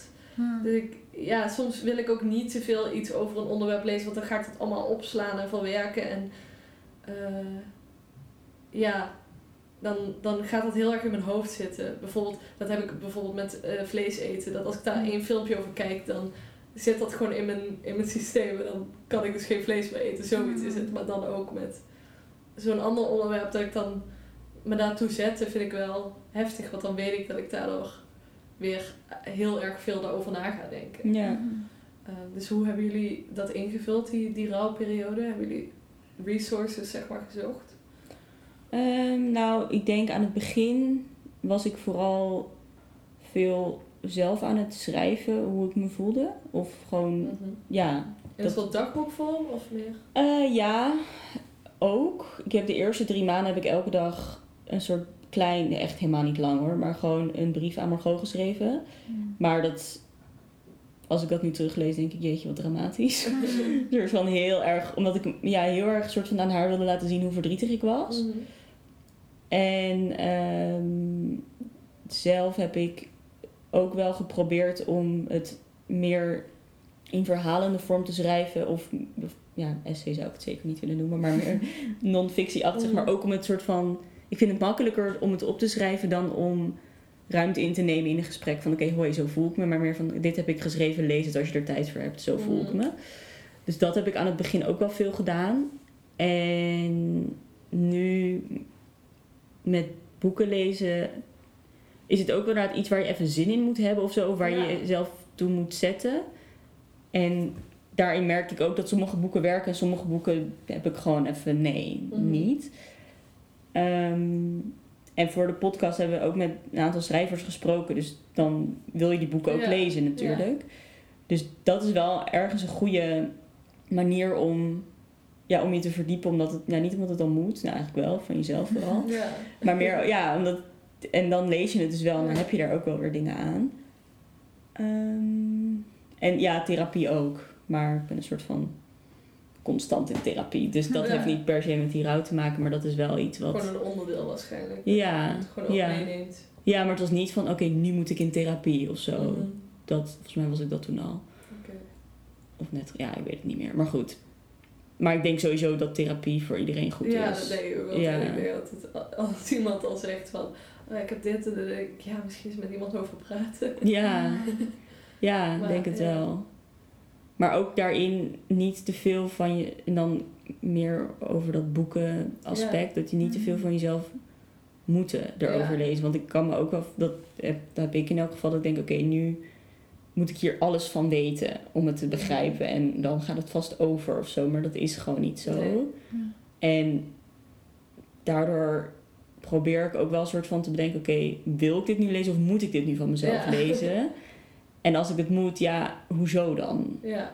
Of zo. En het hoeft ook niet allemaal nu gelezen te worden, want ik heb zeg maar mijn hele leven om te rouwen, dus Ja. Hmm. dat kan ook over tien jaar een keer. Ja, dat is Ja. ja. En voor jou? Mm, Ja, ik heb dat met lezen wel echt hetzelfde. Ik heb eigenlijk helemaal niet veel van die boeken daarover. Ja, nu dan voor de podcast Ja. wel, maar daarvoor eigenlijk helemaal geen non-fictieboeken over de dood of rouw Mhm. of zo gelezen. Ehm, ja, omdat ik me daar een beetje verre van wil houden of zo. Misschien ook omdat ik niet helemaal aan wil gaan, maar ook wel omdat ik het best vermoeiend vind. En Mhm. lezen is voor mij toch wel meer, ja, of voor mijn studie, of voor ontspanning, Ja. leuk. Ja. Ehm, dus ik zou eerder dan ook een podcast gaan luisteren over de dood dan echt een boek lezen. Want dat duurt ook heel lang. Ja. voordat ik- lees Ja. het super snel. Dus, ehm, ja, dus ik vind dat wel vermoeiend. En er is heel veel. Dus waar begin je dan? je? En ik heb het echt nooit eh, de dood als een meer... Ik vond het heel interessant wel. Maar niet al rouwen als een research project gehad of zo. Van nou welke stappen en hoe moet ik dit dan doen. Ehm, Ja, ik had ook dat boek van eh Lisanne van Zadelhoff ook gelezen. En ik vond het grappig dat zij zei in het begin... Zij ging dus wel op zoek naar het stappenplan. ja, Ja, Ehm, en ik herkende me daar totaal niet in, omdat ik me juist erg afsloot van alles wat ermee te maken had. Maar ik vond het wel interessant dat zij echt zo was van... Ja, ik ga dus op zoek naar Mhm. boeken, resources, podcasts, whatever. Ja, Alles wat me houvast kan geven. ja. Maar zij zei ook uiteindelijk, eh, dat niet. bestaat niet. Nee. En iedereen heeft zijn eigen proces. Dat is ook wel zo. Nee, en ik denk dat, het, dat heel veel mensen dat wel doen, omdat het ook heel erg is, iets is van deze tijd om het, om het te controleren en om het Mhm. maakbaar te maken en om het als een project te zien. Omdat alles Ja. als project wordt gezien, Ja. dus ook rouwen. Ja, je moet het oplossen. Ja. Ja, ja. En dan is het ook, als je je eenmaal realiseert dat het dus geen project is, is er denk ik die ruimte voor, oké, wat wil ik er dan over lezen? In Mhm. plaats van wat moet ik erover lezen of luisteren of Ja. kijken of weet ik veel Ja. wat. Ja. Ja, en in die zin vind ik, ehm, ik denk inderdaad dat therapie altijd wel goed is, maar met rouwen en de dood vind ik het ook wel zo'n rouwgroep of zo. Ik denk, het is heel veel gevoelens die je hebt waarvan je zelf denkt, wow, dit is super raar, Ja. zijn denk ik normaal. Ja. Dus het is niet dat je per se een stoornis meteen hebt of een, dat je er iets Nee, aan moet gaan precies. doen. Nee. Het is gewoon, ja, het is een soort onoplosbaar probleem wat je je hele leven zal meedragen. ja, of En ja. wat je draaglijker kunt maken. Maar Ja. dat gaat ook, denk ik, in ups en downs en op en neer en een Ja. soort... Ja, en ik denk dat je misschien het niet eens moet zien als probleem, maar meer gewoon, ja, het is iets wat je hebt. Ja. Gegeven. Een gegeven, Ja. ja. En, en het, Ja. het Maar het is wel een denk ik heel, heel menselijk om het als probleem te gaan zien, omdat Ja. het je weerhoudt van je Ja. normale leven. Ja, precies. Precies. Ja. Ja. Dat is zo. ja. Maar het is geen probleem. In principe, ja, het is geen Ja. probleem. Het is gewoon iets wat je mee moet dealen. Maar ik denk wel dat je... Ik, kan, ik bestempel dus mijn, mijn oestergedrag als probleem. En dat stamt Mhm. voort. Of dat komt nu naar buiten doordat ik moet rouwen. Ja. En dat, ja, dus er komen een soort van takjes van dingen die je merkt die je wel kunt oplossen. Ja. En dat vind ik dan wel om me daaraan vast te houden van, oh ja, ik kan nu dit doen, stappen Mhm. zetten. ehm, om wel bepaalde dingen zo op die manier aan te pakken. Ja. Maar ja, het grote eh, probleem tussen aanhalingstekens, eh ja, dat gaat nooit meer weg. Want dat is gewoon zo. Mhm. Ja. Plus, het wordt alleen waarschijnlijk nog groter, want er gaan nog meer mensen dood. En eh, het is ook gewoon ehm, eh, ja, onontkoombaar. Mhm. Ja. Dus, ja. Ja, en ik denk ergens ook dan, om over jouw oestergedrag te spreken, Ja. dat dat ook niet per se een probleem hoeft te zijn, maar dat het je ook beschermt en dat je het niet voor niets doet. Ja, En op een gegeven moment, als, als je er echt aan last van krijgt en er aan gaat storen, dan Ja. is het misschien wel iets wat je kunt, ja, waar je iets, iets mee moet. Mhm. Of moet, kan. Maar Ja. ik denk dat in zo'n rouwproces dat je zoveel kanten van jezelf tegenkomt die niet per se leuk zijn of zo, maar die er wel gewoon zijn met Ja. een reden. Ja. En ze daardoor inderdaad niet per se hoeven te problematiseren. Ja. ja. Maar het is gewoon irritant als het niet gewoon gaat zoals je wil. Ja, en dat, dat is, het. ja. Dus dat je echt weer houdt van de dingen die je wel wil doen. Ja. Ja. Maar dat is dan weer de uitdaging om je daar een soort van Ja. bij neer te leggen. Of daar, ja, om dat te accepteren Ja, dat het gewoon niet gaat zoals je wil. Ja, precies. En ook het is niet altijd, denk ik, eh, jouw issue, zeg maar. Maar het kan ook zijn dat anderen... eh, stel, je hebt het zwaar, je gaat naar je werk, dan is het misschien denk je, ja shit, ik kan het niet vandaag, Ja. wat stom. eh, ik heb er last van. Terwijl ik denk, ja, maar als je rouwt, dat vind ik dus wel dat de samenleving daar best wat meer rekening mee mag hebben van, nou, kijk wat je doet of wat je kan Ja. vandaag. Ja. En eh, Morgen hier een nieuwe ja, dag. Ja. ik denk dat het dan wel een stuk milder kan zijn. Sowieso met rouwen, maar ook met andere ja met Psychische- andere dingen. Ja. stress of dingen. ja, dat denk ik ook wel. Ja. Ja, en wat jij al zei bij de HEMA, zei jij al Mhm. niet dat je aan het Nee. rouwen was. Dus de maatschappij is er niet eh, open voor ingericht dat je gewoon naar je werk gaat en zegt, ja, vandaag uh, gaat het niet nee. helemaal. Ja. Uh, ja, ja, dus toch wel een grote drempel om dat te doen. Ja. Nou, wat ik dus wel bij mijn ouders heb gezien, dat zij werkten ook gewoon allebei, maar dat hun werkgevers, en misschien is dat uniek, dat weet ik niet, zo lief waren of zo. Nou, dat is wel heel fijn. Ja, en misschien is het ook weer anders als je een kind verliest, dat dan mede-ouders denken van, oh mijn god, dat is echt het ergste dat er is, dus uh, neem alle tijd die je nodig hebt. Maar dat, dat ik, en dat ik toen, maar toen leefde ze nog, maar toen was heel erg ziek en toen, ik werkte in de horeca gewoon als bijbaan. En ik wilde een tijdje in Den Haag gaan wonen, omdat ik tijd met haar wilde doorbrengen. Omdat we dachten en ons verteld werd, oké, het is eindig. En dat mijn bijbaantje er bijna moeilijker over deed dan de baan van mijn ouders. Ja. Dus daarin zit misschien ook eerst met kind, zusje of ik weet het niet. Of het lag gewoon aan de persoon in kwestie, dat kan ook. Maar dat, dat, ja, dat ik wel heb gezien dat, dat dus sommige werkgevers er wel best wel goed mee om kunnen gaan. Maar er zit natuurlijk ook wel een houdbaarheidsdatum aan. Dus als je tien jaar twee dagen per week werkt en alleen maar aan het huilen bent, dan zal misschien een werkgever ook wel denken van dit, is, dit is wel een beetje too much. Terwijl als je je zo voelt, ja, dan zou dat precies, maar... ja. Maar je hebt zelf denk ik ook het idee van oké, dit kan ik even doen, maar op een gegeven moment moet ik wel weer, weer aan het werk en moet wel weer iets, mhm. iets gaan bijdragen of zo. Ja. Ja. Ja. ja, mijn moeder was al, uh, je mag als je vliegt stoppen als je 55 bent. Ah, dus uh, zij werkte al niet meer. Uh, wat wel heel fijn is. Hmm. want daardoor kon ze, had ze ook gewoon niemand waar ze verantwoording aan, ja. af te leggen. En omdat ik, ja, ik had een baantje in Amsterdam en dat heb ik meteen ontslag genomen omdat ik ook wegging uit Amsterdam. Ja. maar dat, die waren ook heel nou ja, ik ging ook gewoon weg. Dus ik kon hmm. gewoon ontslag nemen. Dus het was, ze hadden er ook niet echt iets... Nee, Ze konden er niet echt iets aan te doen. Maar ja, ik was wel zo van... Aju, ik ga naar. Maastricht. Ja. Ja. Maar wel heel fijn dat er zoveel begrip uh, was. Ja. En ik, ja, ik vind het ook niet meer dan normaal, eerlijk gezegd. Ja. ja. Maar ik denk ook wel, maar dat zit misschien dan wel heel erg in je hoofd, dat er dus begrip is, maar wel met een plafond of zo. Dat het niet voor altijd zo, ja. zo door kan. Terwijl eigenlijk denk ik ja. Als je, je inderdaad zo voelt, dan is ja. er altijd wel een soort bang aan te passen. Ja. Ja. ja. Ja, en als iedereen toch op zijn eigen tempo kon werken en op zijn eigen kracht, dan denk ik, misschien is dat in de long run wel veel productiever om gewoon iedereen niet te forceren. Zeg precies, ja. Dat denk ik ook. En jezelf daarbij ook dus niet. Ja, precies. Ja. Ja.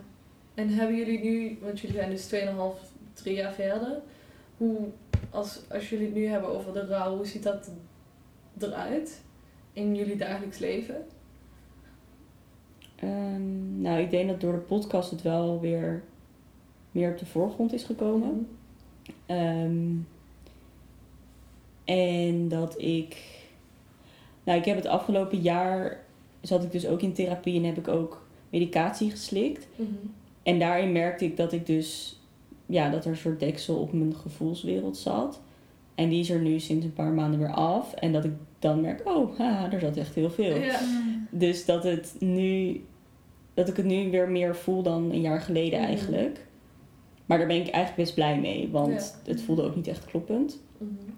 Mm maar ja, het is super wisselend. Het ene moment dan kan ik een soort van denken, oh, ze is een ziel en het is allemaal goed en het heeft zo moeten zijn bijna. En dan mm één seconde later denk ik, nee, het heeft helemaal niet zo moeten zijn. Ik mis haar super erg. En mm. ik, ja, dat, dat, ik weet niet, het schiet echt, echt alle kanten op eigenlijk.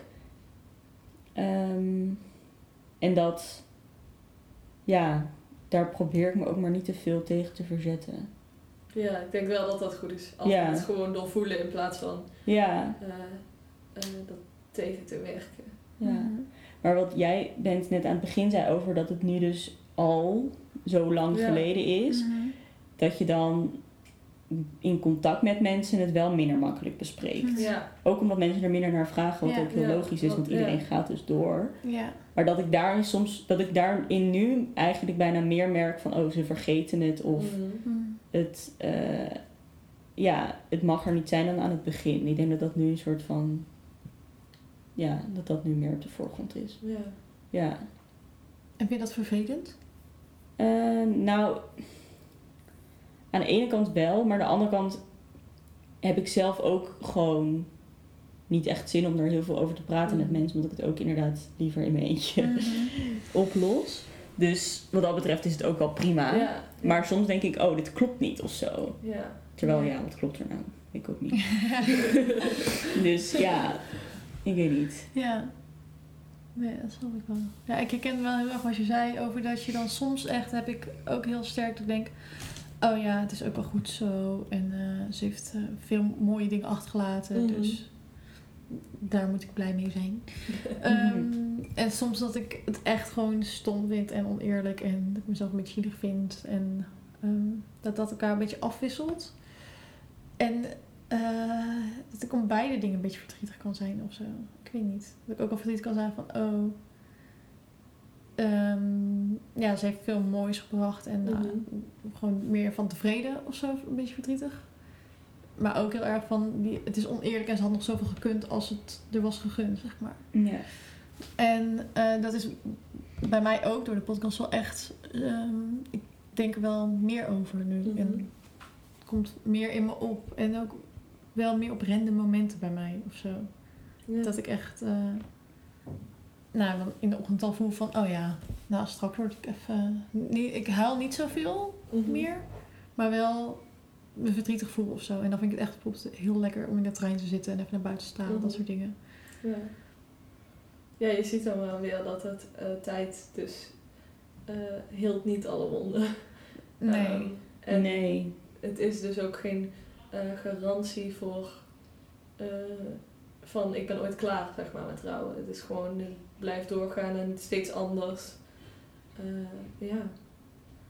Ik vind het wel aan de ene kant eh het soort heel vervelend gegeven, Mhm. maar aan de andere kant ook wel weer fijn dat je dus steeds in andere fases komt. Mhm. Ehm, maar ja.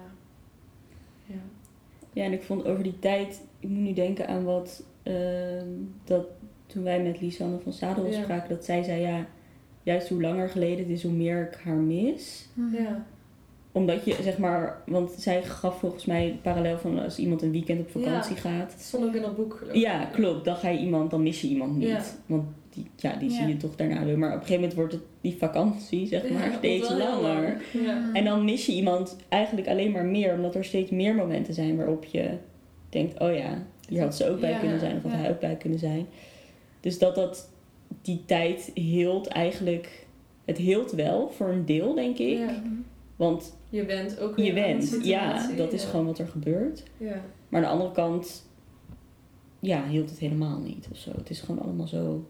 ja, ik zag ook laatst een plaatje van een, eh, ja, een rode bal die precies in een vierkant zeg maar past. Mhm. En over tijd wordt die bal steeds kleiner. Maar aan één zijkant van die vierkant zit het pijnpunt. En hoe kleiner die bal wordt, hoe minder vaak die tegen dat pijnpunt komt. Maar dat pijnpunt krimpt niet. Mm. Dus telkens als je er toch weer tegenkomt, is het net zo groot als Ja. van tevoren. Alleen het is in minder vaak, ja, in De frequentie minder frequentie is minder ja. vaak. Ja. ja, dat is wel een goeie. Dat vond ik Ja. wel een duidelijke visualisatie van het. Ja. Ja. Maar Ja, en in de ene fase hangt die bal misschien meer aan de pijnpuntkant en in de andere fase weer even wat minder. ja. Dus ja. Ja. ik denk inderdaad dat het echt in fases eh, zich opdeelt ook. Mhm. En ook waar je behoefte aan hebt. Ik merkte bijvoorbeeld deze zomer dat ik heel erg ging nadenken over de vakanties vroeger. Terwijl ik dat vorige zomer totaal niet had. Mhm. En ik durfde ook deze zomer pas het, eh, een van de laatste boeken die hij heeft gelezen op te pakken en dat te gaan lezen. Mm. Terwijl ik dat eerst dacht ik, moeilijk, ik ga dat boek niet lezen. Ja. Eh, ja, dus dat vind ik ook wel aan mezelf merk ik dus dat ik langzaam voor andere dingen ruimte heb. ja. Mhm. En dat vind ik ook wel bijzonder om te merken. Mhm. Dat je gewoon een jaar geleden iets totaal niet wilde doen. En nu is daar wel gewoon ruimte voor in je hoofd, zeg maar. Ja. Dat vind ik wel bijzonder. Ja. Dat het zo werkt. Ja. Jullie blijven, denk ik, de podcast nog wel even maken. Jullie zeiden dat er nog een paar afleveringen klaar liggen. Ja. Mhm. Wat was nou de, de, voor jullie persoonlijk een memorabele dat je echt denkt, hier heb ik iets van geleerd? Oei. Mhm. Ja, het verschil is best wel groot. Ehm, Mm. Nou, ik denk op rouwgebied, om dan toch maar weer Lisanne te noemen. Ja. dat, omdat ook dat gesprek met haar was ook gewoon heel gezellig. En daarin Mhm. merkten we ook van oké, het kan een soort van naast elkaar bestaan. Ja. Dat je en gezellig met mensen kan kletsen over iets wat eigenlijk helemaal niet gezellig is. Ja. En sowieso vond ik haar boek ja, heel erg een aanrader Mhm. voor mensen die Mhm. rouwen, maar ook voor de omgeving. Want ik denk wel dat je daardoor heel veel dingen kan begrijpen van mensen. Ja. Dus op rouwgebied vond ik dat denk ik het, Ik het, het denk ik. eh, ja, degene die het meest mis is bijgebleven. En meer van kijken op de dood. We hebben dus met een dominee gesproken Mhm. die, dit staat nog niet online, maar komt over twee weken. Ja, als, het staat wel online als dit online Oké. komt. Oh. Ja, Het staat. Ja, ja. Het staat online. Ja, het staat online. En ik vond het wel leuk om met haar erover te spreken, omdat het meer op een, ja, ja op dus een soort zingevende manier. Mhm. En hoe, Mhm. hoe, doen mensen, hoe, hoe doen jullie in Ja. de kerk, zeg Ja. maar dat? Ja. Dus dat, die, Dat ja. Ja, en ik, ik weet niet of ik per se, ik vond die van die zonne echt wel, je wordt gewoon blij van alle herkenning die je vindt of zo. Eh, Ja. Gek is, maar ook wel weer fijn. Mhm. Ehm, maar ik weet gewoon een paar dingen die elke aflevering, zeg maar, iets kernachtigs had. Ik vond met maatschappelijk werken, wat ook een vriendin is van eh, mijn moeder, die vond ik heel mooi. En zij zei ook echt, ja, zij zei eh, een, een boodschap die me echt wel anders heeft laten denken van het is niet per se, ehm, het is meer pijnlijk dat iemand jong overleed dan dat Mhm. het oneerlijk is, want er is geen eerlijk leven. En toen dacht ik echt, wow, dat is echt waar. En dat laat je wel heel anders ernaar kijken. Mhm. Ehm, en ik vond bijvoorbeeld ehm, eentje met Barbara ook mooi, want da- daar, ze heeft een boek geschreven, eh, Barbara van Beukering, over ehm, Afscheid nemen. afscheid nemen, ja. Over het moment van sterven Mhm. vanuit, of het verschilt hoe iemand de, eh, doodgaat, of die afscheid neemt, of Mhm.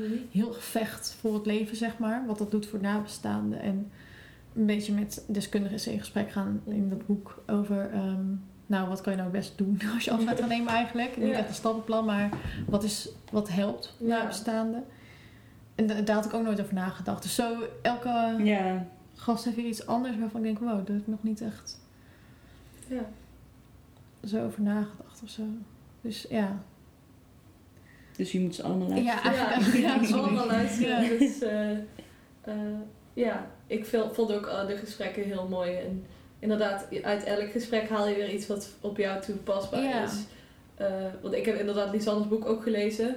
Maar bijvoorbeeld, ja, ik heb helemaal... Het is en mijn moeder niet. Mhm. En eh, ik heb geen kanker eh, ziekteverhaal, zeg maar. ja, Nee. Terwijl, en dan toch vind je ja, bepaalde herkenning. Eh, terwijl zij ook een totaal ander. Lisanne was meer, zeg maar, veel aan het huilen, veel in bed. Op die manier. En ik ben juist weer het tegenovergestelde. Juist Ja. eh, doorrammen en niet huilen. Mhm. Ehm, dus, maar ondanks dat, toch heel herkenbaar. Dus dat vind ik wel heel bijzonder. Dat eh, het zo persoonlijk is, maar toch ook zo universeel. ja, Ja. ja. Ja, Ja, want de dood is universeel, want iedereen Ja. gaat dood. Dus Ja. precies. Ja. ja, precies. Ja. Oké, nou jongens, heel erg bedankt. ja, graag gedaan. Jij bedankt. Ja. Bedankt voor het luisteren naar deze aflevering. Wil je reageren of een berichtje sturen? Dan kun je me altijd bereiken via Instagram. allesgoedpodcast. Tot volgende week.